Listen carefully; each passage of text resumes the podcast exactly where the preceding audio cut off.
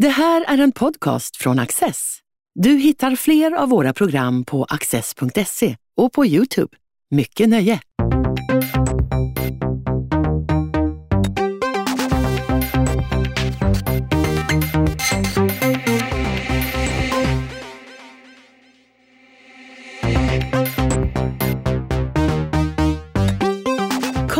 Stave skriver i sin bok Påvens hästar om hur hästen blev en statussymbol för de mäktiga i samhället och senare även i den romersk-katolska kyrkan. Kejsarna i Rom red på ståtliga vita hästar under påkostade ceremonier. Och under 200-talet, när kristendomen började breda ut sig, tog påvarna över de kejserliga attributen för att visa sin högsta feodala maktutövning. På jorden red Jesus på en åsna för att visa sin fredliga avsikt. I himlen red han på en vit häst. 556 sidor om påvar och hästar och Italien. Mm. Hur kommer det sig? Vad, vad, är, vad är detta stora intresse? Ja, de här hästarna de har jag intresserat mig för i stort sett hela mitt liv. Eh, det började med att jag som tonåring så läste jag Jan Kyllenstiernas böcker Ryttare och ryttare och Ryttarkavalkad hette de där och där beskrev han på ett oerhört fascinerande sätt eh, de här eh, påvliga svarta neapolitanska vagnshästarna. Och sen har jag då letat efter de här hästarna och försökt hitta om de har funnits kvar och det sa folk att det gör de inte. Men sen i början på 90-talet då bodde jag nere i Rom. Jag höll på att skriva min doktorsavhandling om påvefamiljen Borgia och då hörde jag dels hörde jag talas om ättlingar till de här hästarna i nutid heter de Morgesehästar och finns i Apulien. Eh, och dels hittade jag mycket mer material om hur man har använt hästar i påvehovets fester och ceremonier och även i utbildningar. Det materialet det passade då inte in i avhandlingens frågeställningar utan det fick skjutas på framtiden. Men när avhandlingen väl var klar då satte jag igång med det här arbetet och det tog 20 år. Och det handlar väldigt mycket om hästarnas betydelse för hur, hur Rom kristnades. Men innan vi kommer in på det, kunde vi inte ta lite grann om hästarnas betydelse överhuvudtaget? Det, vad, vad är det som gör att hästarna liksom träder fram bland gudarna, bland kristendomen? Vad är, det, vad är det med hästen som gör att den får en sån stark ställning. De har varit väldigt stark i alla, man kan säga i huvuddelen av alla de religioner som föregick kristendomen. Vi kan hitta hästar, ja, det, de finns hos de gamla grekerna, hos romarna. De finns, eh, ja man kan säga att det börjar med de här som man brukar kalla för indoeuropeerna. Eh, ett folkslag levde norr om Kaspiska och Svarta havet. Och det är därifrån så säga, huvuddelen av våra språk kommer om vi undantar då finsk-ugriska språk och semitiska språk. Men väldigt mycket av de, de, språk som vi talar i Europa, de har sitt ursprung där uppe. Och där har vi också mycket av eh, våra religiösa föreställningar har också grunder där uppe. Och där hade de, solguden var väldigt central hos de folken. Och hästen var väldigt central. Det är ju en av de platser man anser att hästen, där, där uppe domesticerades hästen. Och man började med ridning i sin enklaste form. Eh, det var också där man, man började tillverka brons lärde man sig där uppe. Och man lärde sig tillverka ekrade hjul. Och sen eh, beger de här folken sig ut. Förr så trodde man att det var väldigt våldsamma och krigiska erövringar där. Men nu vet man väl att mer att det det tog århundraden och det hade mycket med handelsförbindelser att göra. Men de kommer alltså sprida sig över ett väldigt stort område. Eh, man talar ju om eh, indoeuropeiska språk och det är att de där finns ju från, från Indien eh, i öster och till brittiska öarna i väster. Från Nordeuropa i norr Sverige, Norge, Danmark och ner till Grekland och de områdena. Överallt och där finns ungefär samma föreställningar. Hästen är symbol, hästen sammanknippas med, med solguden och då också med härskarmakten. Man kommer att ha hästoffer, man offrar hästar till de här gudarna och man, eh, man låter också begrava sig med häst. I hela det här området är, är de här hästbegravningarna väldigt centrala.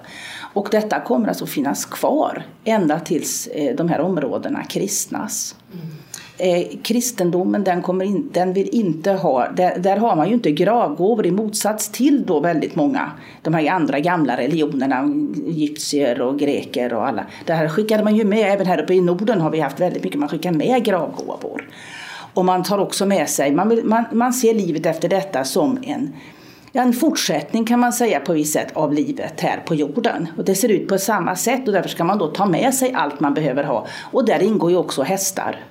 Man ska kunna fortsätta krig, man ska kunna fortsätta med sina ståtliga fester, sina ståtliga intåg och då har man med sig de här hästarna.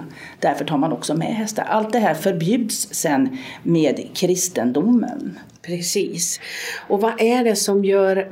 Men de kan inte förbjuda hästarna, eller hur? Nej, hästarna är, som, är ju för... Ja, vad är det som de i första hand förbjuder? Alltså det, till exempel ätandet av hästkött ja, alltså, har vi här uppe till exempel. Ja, och det är alltså de blodiga offren med kristendom. Det anses ju då att Kristus genom att offra sig på korset så fullbordar han en gång för alla alla blodiga offer och då ska alla de här blodiga offren upphöra. Alltså kan man inte ta, eh, inte så att säga fortsätta och offra vare sig hästar eller något annat offerdjur. Utan det, det upphör. Och samma sak att man, man, eh, man ska inte när man inträder i det hinsides markera så att säga, sin sociala ställning utan man likställs på något sätt. Men hur agerade hur, hur agerar man i Rom då? Hur agerar påvarna där då när de skulle närma sig människorna och liksom förbjuda det här? Ja, där förbjuds det. Alltså om vi tar specifikt Rom så hade de ett hästoffer och det hette oktoberhäst. Och det var förbjudet långt innan kristendomens entré. Det var Julius Caesar, det var en av hans första gärningar som Pontifex Maximus. Påven har ju ett ämbete, än idag har ju påven det här ämbetet Pontifex Maximus. Och det är alltså ett ämbete som går tillbaka, Roms kungar hade det här. Sen var det ett separat ämbete under, under republiken och sen är det Julius Caesar, han tar upp det här ämbetet och gör sig till Pontifex Maximus. Och ett av de första eh, gärningar som han gör som Pontifex Maximus det är att han förbjuder den här oktoberhästen, det här, blodis, eh, det här hästoffret i Rom. Så det är vi alltså, han mördas ju 44 före Kristus. Ja. Då är det, då för, medan det de har i Rom och som kommer att få en betydelse för kristendomen det är de här stora hästkapplöpningarna. Precis. De här stora kappkörningarna som då finns över hela romarriket. Den största banan den låg då i Rom, var Circus Maximus. Eh, och de här, det, det, som ofta brukar uppmärksammas det är då alla kyrkofäder som är emot de här hästkapplöpningarna. Och det är då olika anledningar. Det är framförallt att det, så att säga, är, det är ju spel till gudarnas ära. Det är inte vanliga hästkapplöpningar. Utan detta är, hålls till ära för de hedniska gudarna. Eh, det, det är väl den så att säga, stora anledningen till att man är emot dem. Men sen finns det också man ser i breda lager så går det här över så att det är även alltså mycket, många kristna som går på de här. Mm. Eh, och man ser det uh, hos eh, uh, de gamla romarna så var man började på se de här det fanns eh, segerrika kuskar, de kuskar som tillhörde någonting som heter Tusenklubben, det finns än idag inom travsporten, har det här med Tusenklubben och det har alltså rötter i, i romarriket. Eh, och i Miliari. Och då, för att nå, nå tusen segrar på en sån här romersk kapplöpningsbana var man tvungen att köra i cirka 10 000 lopp. Och det var ett under att överleva så långt. Du, jag, jag, jag, såg att du skrev också att um, de här kuskarna, de blev ju glorifierade, ja, de blev hjältar. Ja, de ja. älskades av folket. Ja, och det var framförallt de här miliari. Och de blir nog med för att den vanliga kusken, han är en slav. Men när man blir, eh, går upp i den här tusenklubben då blir man dels fri från eh, eh, slavstatus och man kommer att få hyllas med, med, med dikter och med statyer och för, eh, de tjänar makalöst mycket pengar de här. Och sen börjar folk också påsätta sätta upp dem på sina gravstenar. De blir en symbol för vinnandet av det eviga livet. Och man sätter upp bilder på såna här kuskar, man sätter upp bilder på såna här hästar. Och hästen är ju också i romarriket någonting som heter psykopomp. Den är en ledsagare till det hinsides. Och sånt här det går över i kristendomen. I den här tidiga kristendomen där finns det, så man börjar påsätta upp såna här hästar och, och, och, och, och symboler från den här världen. Segerkransen kommer att dyka upp. Den finns ju också, man kan läsa i aposteln Paulus brev, där finns de här segerkransarna. Och de här eh, palmkvistar och alltså väldigt många symboler ifrån. I Uppenbarelseboken så har man eh, den här hästen som symboliserar segern och såna här saker. Så att det är, där, där går det så småningom över. Kristus själv själv som logos, han kom, kom också rida i täten för den himmelska härskaran på en vit häst. Mm. Men det är inte riktigt det vi förknippar med, med Kristus, eller hur? Det är åsnan. Ja, det är alltså den jordiske Jesus. Ja. Man glömmer bort, och det där kan man se hos väldigt många, framförallt jesuiter på 1500-1600-talet skrev mycket om det här. Om skillnaden mellan, ja det började redan med Gregorius den store, en påve på eh, början på 600-talet. Att det är skillnad på den jordiske Jesus och den uppståndne Kristus. Den jordiske Jesus, han rider på en åsna. Och åsnan i medelhavskulturen var symbol inte bara, inte bara ett arbetsdjur utan den är också fred, eh, en symbol för den, den, eh, det, det fredliga livet. Och det fanns en variant som heter mulåsna som är alltså korsning mellan en, en häst, ett häststo och en åsnehingst. Eh, den är också en, en fredssymbol. Den används eh, de här kungarna David och Salomo och sådana bland annat. Så att den jordiske Jesus han, han rider en åsna. Men när han så att, säga, går, eh, eh, så att säga, går upp till status att bli den himmelske kristen, uppståndne Kristus, han rider en vit häst. Så sen så småningom när det här, och det är ju långt, det är ju längre fram, man kan alltså se från 500-600-tal, så börjar påvar på att rida. Och då är det den här vita hästen. Men det har mindre med Kristus i Uppenbarelseboken att göra. Utan det har också med att påvarna, de är inte bara Kristi ställföreträdare utan de är ju också eh, de är ju också, eh, ser, ser sig mer och mer som de romerska kejsarnas efterföljare. Ja, de tar deras de attribut. Tar, de tar de här attributen och det växer gradvis fram det här. Och den, är, den, den romerske hedniske kejsaren, han färdades i kvadriga, alltså han, körde, han åkte i fyrspann. Och det var vita hästar och de hade selar i rött och guld. Sen så blir det, finns det ju en kristen kejsare. Vi tänker ofta att romarriket går under i slutet på 400-talet. Men Östrom finns kvar till 1453. Och där finns alltså en kristen variant på Roma, den romerska kejsaren, vi kallar den bysantinske kejsaren. Och han tar ridhästen i tjänst och han rider Eh, i alla de här ceremonierna och eh, eh processioner med stora brina kortegerna. Och han har den här korsbärare framför sig och han har de här ceremoniella paraplyer. Detta tas över av påvarna. Det är väldigt många som innan de så att säga, väljs till påvar så är de sändebud i Bysans. De ser hur det ser ut, hur hovceremonielet är där och så tar de över de här sakerna. Så därifrån kommer den här vita hästen med selar i rött och guld.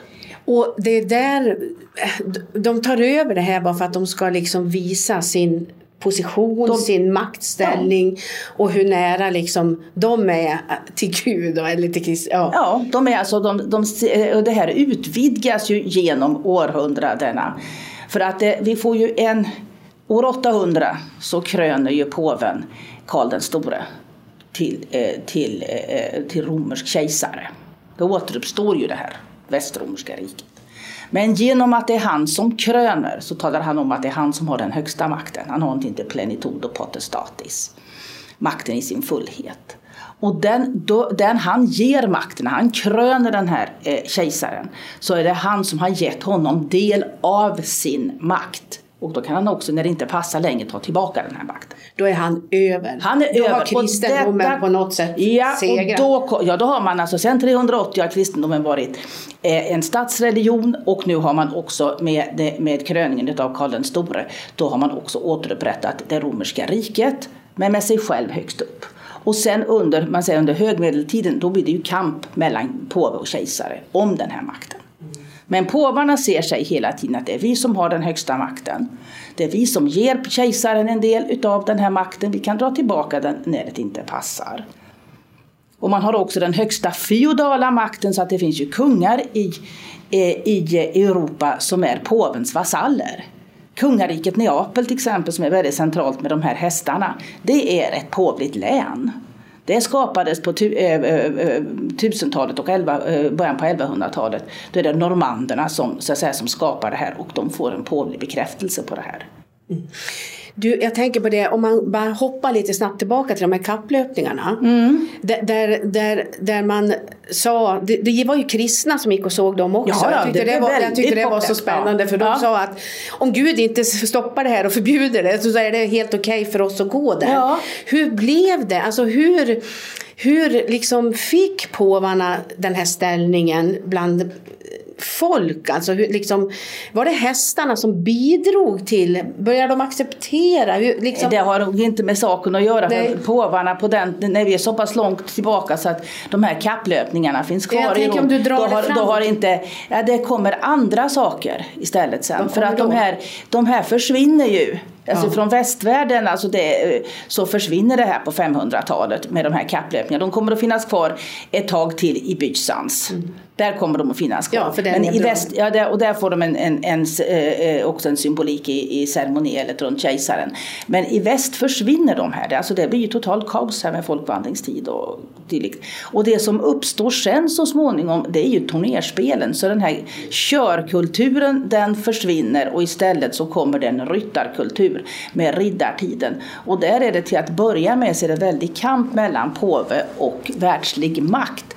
Därför att påvarna, och när vi kommer, särskilt när vi kommer in på korstågstiden, för att då vill påvarna att riddarna de ska dra på korståg. Man ska inte hålla på och ägna sig åt de här turnerspelen där man kan bli skadad, hästar dödade och det kan alltså, eh, istället för att dra på korståg. Så det där håller bråket om de här turnerspelen, det håller ju på in på 1300-talet. Då, då tillåts de här. Då, då, släpper då är korstågstiden också slut och då släpper man alla de här restriktionerna. Då är allting Ja, ja, och det kommer att vara eh, eh, stora turnerspel i Rom. Där kommer man ju ha den här stora men framförallt från mitten på 1400-talet den här, den här stora karnevalen som är alltså en karneval till häst. Mm. Och som är ju under påvens ledning. Mm. Enorma, alltså med stora turnerspel, det är eh, parader med allegoriska vagnar, det är hästkapplöpningar, det är en mycket märklig form. Därför att det, med, det, de har, eh, det är inte vare sig med ryttare eller med vagn utan de här, man jagar en hästflock längs en väg som heter Via del Corso, heter Via Lata från början. där. Men den kommer att heta Via del Corso, kapplöpningsgatan. Mm. Va, vad fyllde det för funktion? Varför var det här så viktigt? Ja, det har ju alltså, man, det, det är ju en, en, en, man, så att säga, man, man eh, symboliser, den, den, det är en symboliserad makt. Det är en symboliserad ja, makt. Och det som i allra högsta grad är den här symboliserade makten, det är ju den här eh, ceremonin som heter possesso. Ja. Och den kommer alltså, den växer fram från 700-talet och framåt. Och det är kan man säga, det är en, en, ett romerskt triumftåg återuppståndet. Och den börjar, och den är, det går till så att först så kröns påven i Peterskyrkan. Och då ska man alltså veta då att på, detta är alltså en monarki. Påven är inte bara kyrkans ledare utan han är också, han är också kung av kyrkostaten. Han har alltså, påveämbetet är egentligen tredelat. Det är världskyrkans ledare, biskop av Rom och kung av kyrkostaten. Så, har det, så kan man säga, så såg det här medeltida påvedömet ut. Och han kröns i Peterskyrkan. Då kröns han till både världskyrkans ledare och kung av kyrkostaten. Men sen ska han då återupp... Eh, den här makten i kyrkostaten och Rom, den har gått förlorad med hans företrädare. När han dör, då går den makten förlorad. Nu måste den återskapas. Och då ska han rida från Peterskyrkan och till Lateranen som ligger på andra sidan Rom. Och ta då staden i besittning och sen är det på bestämda platser så står olika folkgrupper och ska bringa honom hyllning och underkastelse. Och det är upp, bland annat så är det alltså upp till, till senatens plats uppe på Kapitolium. Det är över Forum Romanum och det är bort till Lateranen så småningom. Ja. Det är och ett det, enormt maktspel. Detta är ett enormt maktspel och det kommer det här Eh, man hade lite grann eh, under en som Innocentius den tredje i början på 1200-talet. Då hade man, eh, då hade man de här stora, byggt upp triumfbågar efter den här vägen. Så riktigt romerskt typ. Sen försvinner de där så småningom men de återkommer i slutet på 1400-talet, 1492 med påve Alexander den sjätte. Han kommer att ha triumfbågar efter hela vägen. Då riktigt poängterar man det här att påven är också de romerska kejsarnas efterföljare. Stod, stod på en utav de här triumfbågarna. Eh, på samma sätt som Alexander den store eh, besegrade perserriket eh, skall Alexander den sjätte besegra de osmanska turkarna. Det var stora grejen på den här tiden att man skulle besegra. De hade ju, 1453 hade ju då eh, Konstantinopel fallit och hade den sista delen av det här gamla Östrom hade fallit och så hade osmanska turkarna tagit över.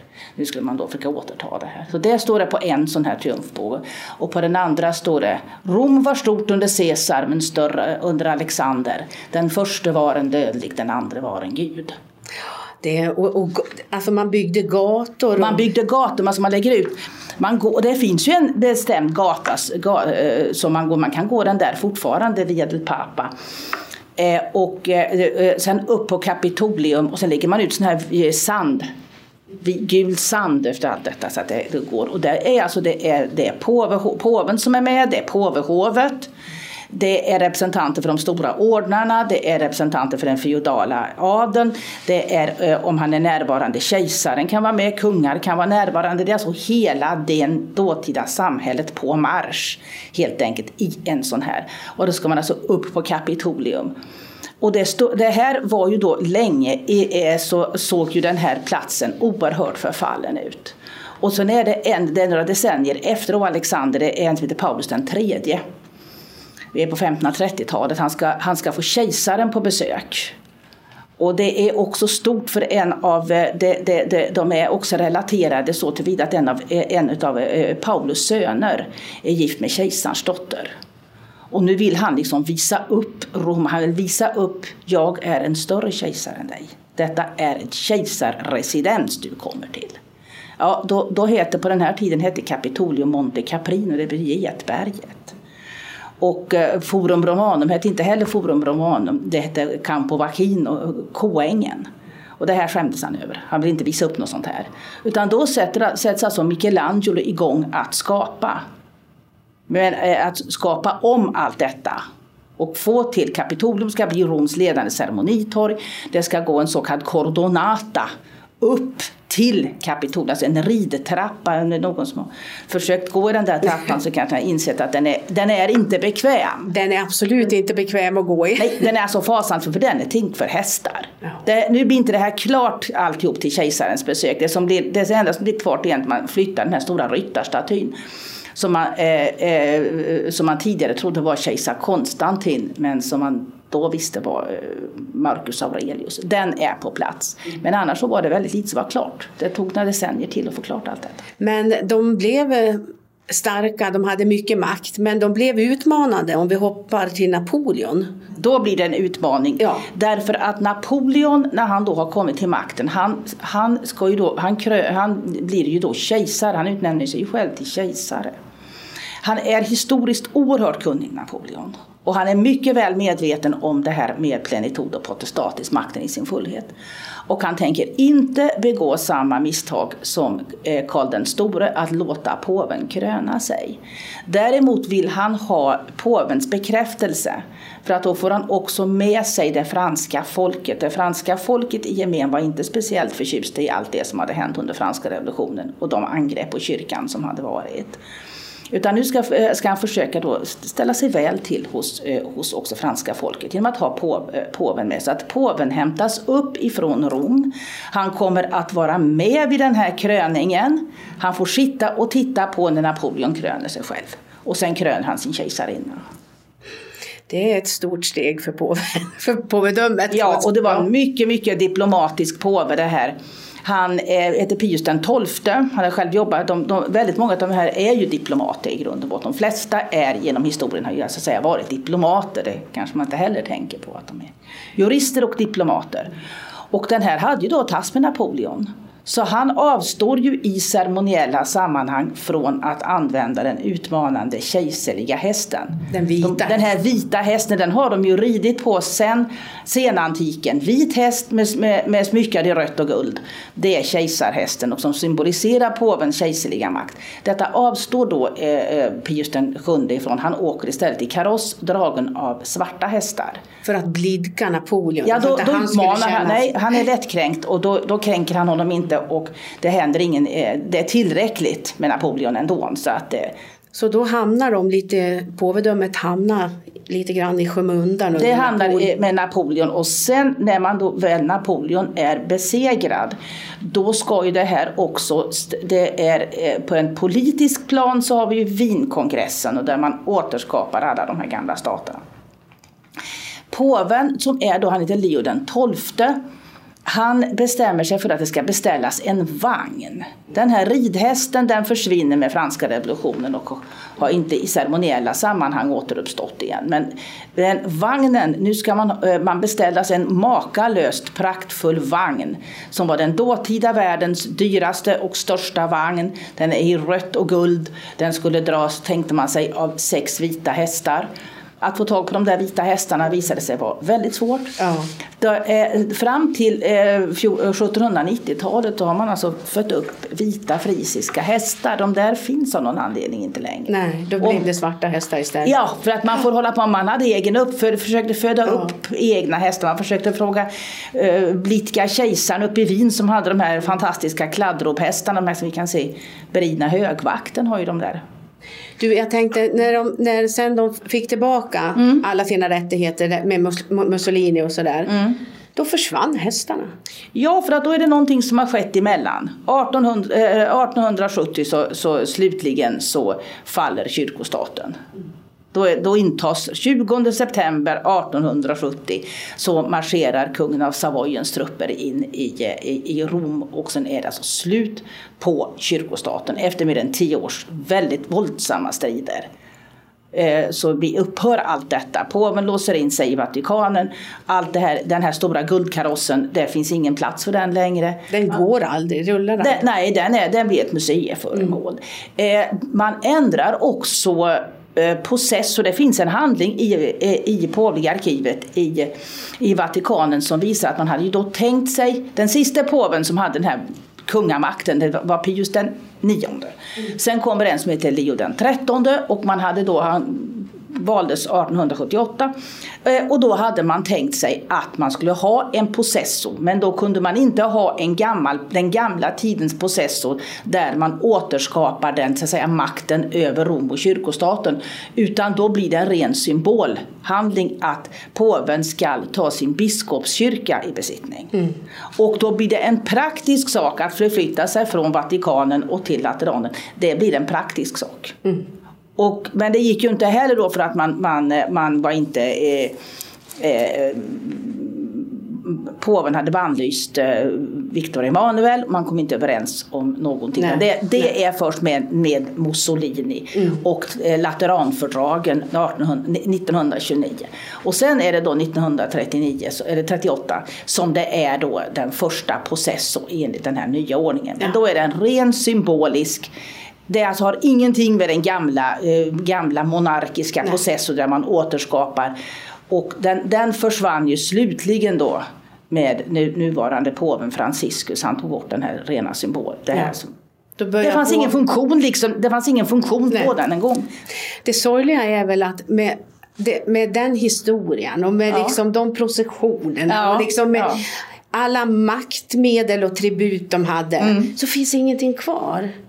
Nej, det är ingenting kvar, det är museiföremål bara. Och sen att man kan säga att Rom är ju som, eh, det är ju som en gigantisk teater där, där kulisserna står kvar men inte skådespelen spelas längre. Men börjar man på och vet man om de här ceremonierna och de här olika, till exempel den här Possessor, vilka vägar den gick, då kan man se till och med hur, hur husfasader är byggda för att stämma in vinklade för att ses från den här eh, stora kortegen. Till exempel mm. eh, den enorma jesuitkyrkan, i Jesu. Ja. Fasaden på den är vinklad så att den ses ifrån processionsvägen. Och där står det då vem som är så att säga, den stora mecenaten, där, ja. kardinal Alessandro Farnese. Alltså. Mm. Ja. Och allra sist bara, mm. det är åsnan ändå i religionen som framträder idag. Ja, för att allt det här andra finns ju inte kvar. Utan det är någonting som, det, så säga, det, det måste man känna till. Det finns liksom inte det har inte, det, det, I de här bibliska texterna och så, där är ju då åsnan. Mm. Så att det, där är den med Jesu födelse och de här de berättelserna. Ja, så är det. Där är den med. Mm. Tusen tack. Tack, tack, tack själv.